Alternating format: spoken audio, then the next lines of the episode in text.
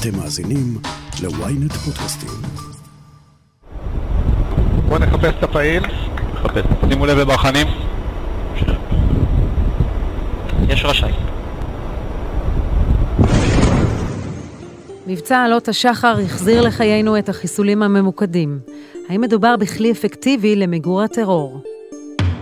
אני שרון קידון, וזאת הכותרת.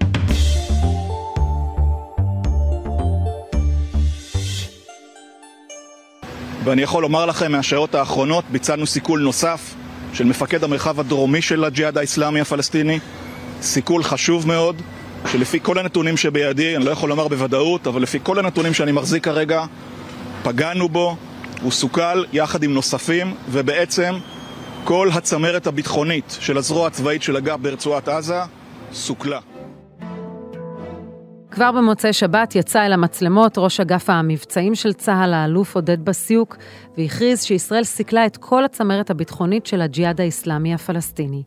מדיניות החיסולים הממוקדים, או כפי שהיא נקראת כיום, הסיכולים הממוקדים, קיימת מאז הקמת המדינה, ואם שואלים את הפרשן לענייני ביטחון של ynet, רון בן ישי, המדיניות הזו החלה עוד לפני 1948.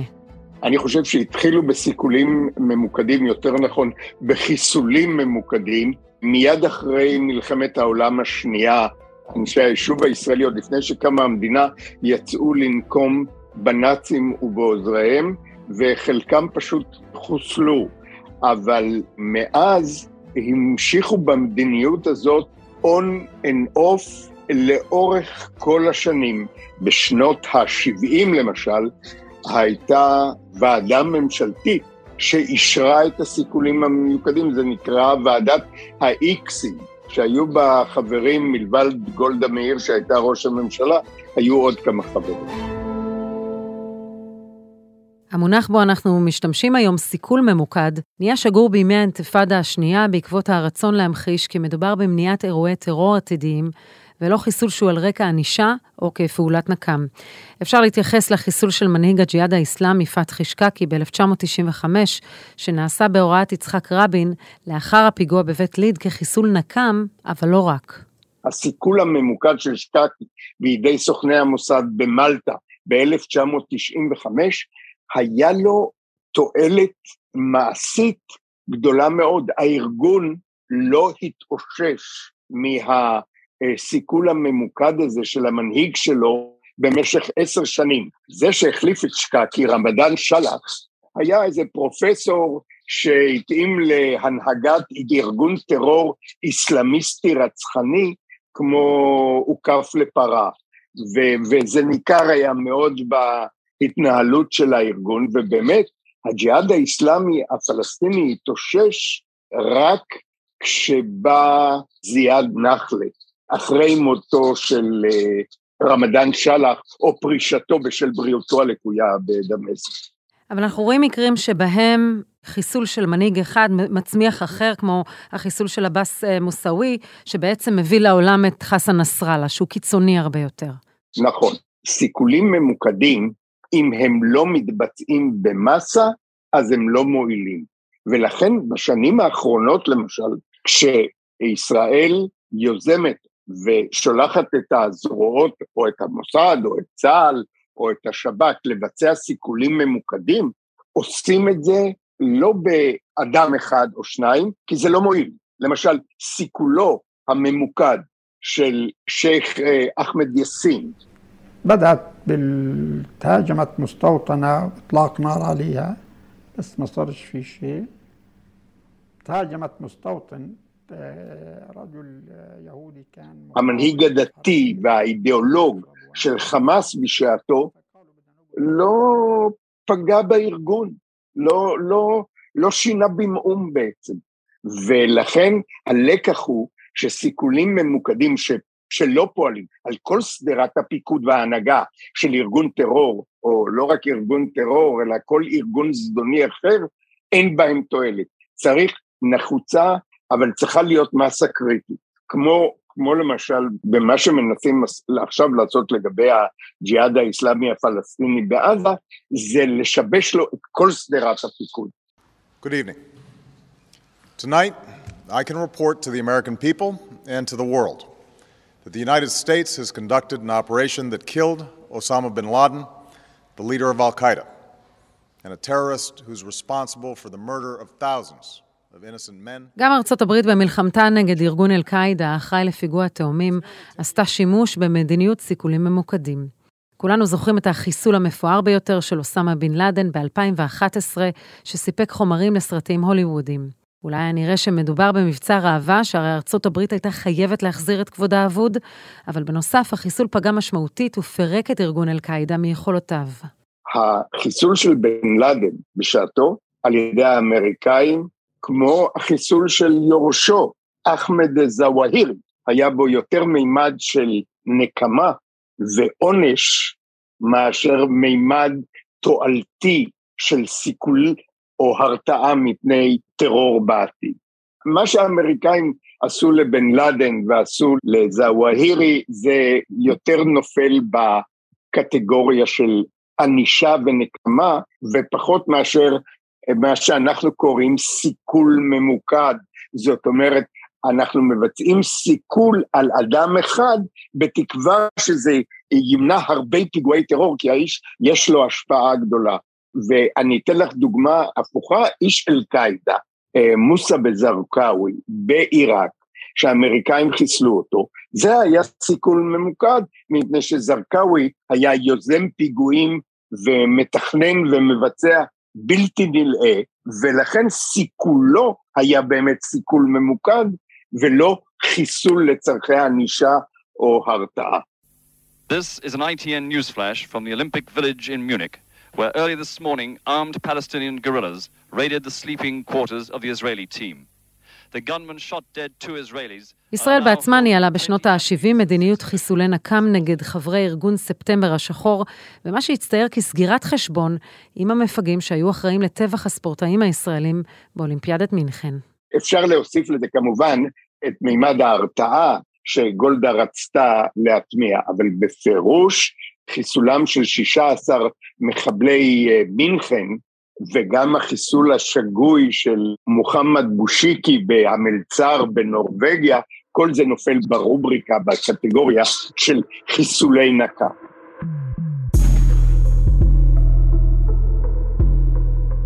כמה גופי ביטחון מעורבים בסיכול ממוקד?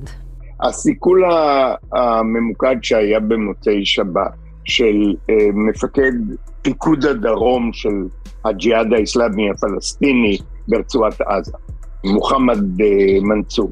היו מעורבים בזה השב"כ, האמ"ן, אגף המודיעין של צה"ל, חיל האוויר, ואולי עוד איזה יחידות, ש... אבל בעיקר אלה. זאת אומרת, שב"כ, אגף המודיעין של צה"ל וחיל האוויר. במקרים אחרים, נגיד כשחוסל פתחי שקקי, מפקד הג'יהאד האיסלאמי, מייסד הג'יהאד האיסלאמי במלטה, אז עשה את זה המוסד. כלומר, כל סיכול, זה מקאברי לומר, לגופו של המסוכל ואיפה הוא נמצא, ובאיזה תנאים ואיך צריך לבצע את זה.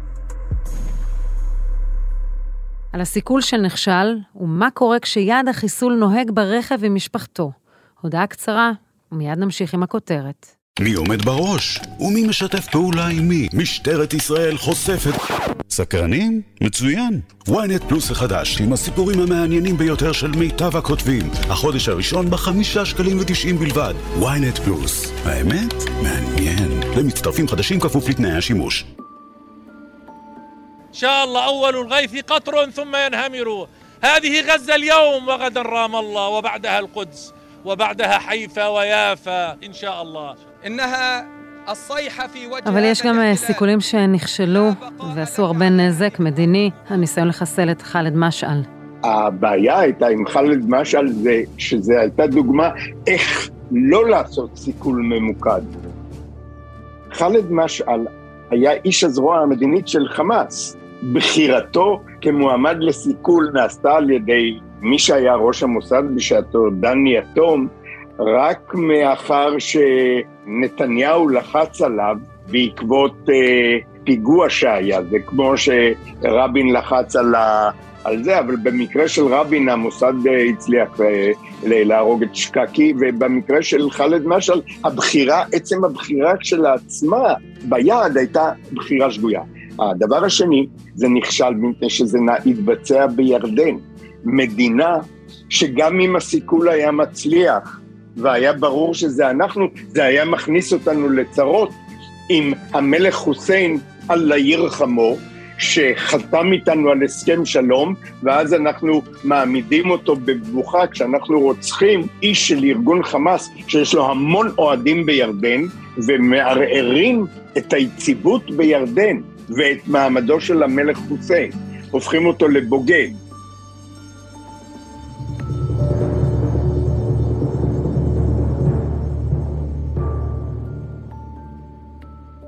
הדבר השלישי היה שיטת הפעולה במבצע שהיה אמור להיות חשאי והתבצע באמצעים כאילו נסתרים, בוצע בצורה רועשת, כלומר בצורה של תגרה עם האיש, שמשכה תשומת לב.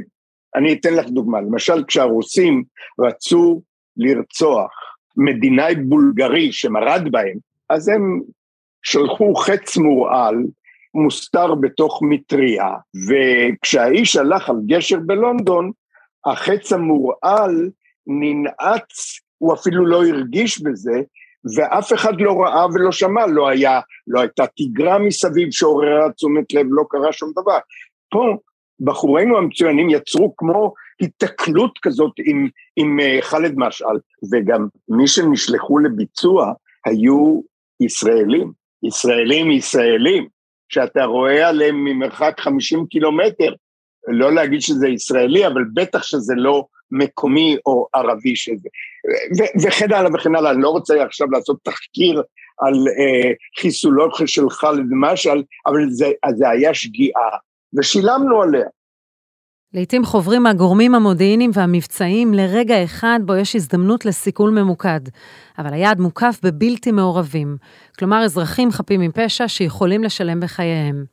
לפעמים מופעל נוהל הקש בגג, המזהיר את מי שנמצא באותו אתר לפני הפצצה, ולעיתים קורה שבני משפחת הטרוריסט משלמים בחייהם אם הם איתו. כפי שקרה למנהיג חיזבאללה לשעבר, עבאס מוסאווי, ואפילו פעילי הג'יהאד האסלאמי שחוסלו במבצע עלות השחר. המדיניות היא ש... להימנע ככל האפשר מקיפוח חייהם של בלתי מעורבים. עכשיו, את הזכרת קודם את העניין של הקש בגד. זה אתה עושה כשכוונתך להרוס את המבנה, ואתה רוצה שהבלתי מעורבים, אנחנו רוצים שיצאו מהבניין, מפני שלא מגיע להם להיהרג ולא תהיה שום תועלת בהריגתם, להפך זה יביא רק נזק, כי זה יכרסם בלגיטימציה שיש לנו לפעול צבאית. לעומת זאת, בסיכול ממוקד, אתה לא רוצה שיקרה כמו במקרה של שחאדה, שאומנם לאיש הגיע אה, למות אלף אלפי מיטות, וגם סיכולו מנע פיגועי טרור, אבל הנזק האגבי גרם לזה שבמקום להשיג את כל המטרות האלו, ישראל איבדה את הלגיטימציה שלה נאלצה להרבה זמן לפעול בתוך הרצועה. וגם מבחינת הציבור הישראלי, תראי, אחד הדברים שמאוד חשובים בסיכולים ממוקדים, היא שהצדק לא רק ייעשה ויהיה יעיל בבניית פיגועים בעתיד, אלא גם ייראה. אנחנו הישראלים רוצים לחשוב שאנחנו לא רוצחים סתם כמו שעושים במדינות דיקטטוריות מסוימות. אנחנו לא רוצים להיות כמו איראן, שמוצאים uh, להורג בן אדם מפני שהוא דיבר לא יפה על, ה, על הממשל. תחושת הצדק הזאת היא מאוד חשובה. ראשי ממשלות בישראל מבינים אותה, כי תחושת הצדק היא ביסוד המוטיבציה שלנו להגן על עצמנו, של הלוחמים, של חיילי צה"ל, ושל אזרחי מדינת ישראל לגלות מה שאנחנו קוראים את החוסן הלאומי.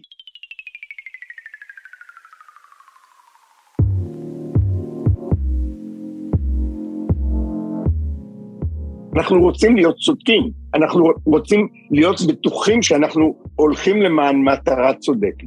ולכן אנחנו לא רוצים שיהרגו בלתי מעורבים. ולכן באמת בסיכולים הממוקדים שביצעה מדינת ישראל, החל מעריפתו של אה, המהנדס יחיא עייש בעזה, ועד הסיכולים שהתבצעו במוצאי שבת האחרון, אנחנו משתדלים לצמצם. לפעמים אי אפשר, אם, אם עם המחבל הזה שוהה אשתו, מה שקרה גם במקרה של בהאל עטה שסוכל ב-2019, וגם זה שסוכל במוצאי שבת האחרון, מנצור. הייתה איתו אשתו, היה איתו גם עוד uh, מנהיג ג'יהאד איסלאמי אחר, uh, מדלל, אבל כן הייתה איתו אשתו, ואשתו היא בפירוש בלתי מעורבת, אבל פה במודע הבינו שלא נגיע לעולם למצב שבו נקבל אותו נטו בלי אף אחד מסביבו, ולכן אתה נוקט בפעולה בתנאים פחות מאידיאל. כלומר, כשאתה עושה את זה, אתה צריך להיות ולתת לכל עם ישראל להרגיש שהוא צודק, שהוא מנהל מלחמה צודקת באמצעים צודקים. וזה שורש המוטיבציה, זה מאוד חשוב. רון בן ישי, תודה רבה על השיחה. תודה רבה לכם. גם אם מבצע עלות השחר מגיע לסיומו והפסקת האש בתיווך המצרי תחזיק מעמד, ההישג של חיסול בכירי הג'יהאד האיסלאמי הפלסטיני ישפיע בוודאי על יכולת ההתארגנות העתידית של הארגון. אמנם לכל טרוריסט יש מחליף, ולעיתים הבא בתור גרוע מקודמו, אבל מדינת ישראל בעלת ניסיון רב השנים של לוחמה בטרור, ממשיכה לדבוק במדיניות שהוכיחה את עצמה. מי שפוגע באזרחינו הוא בן מוות.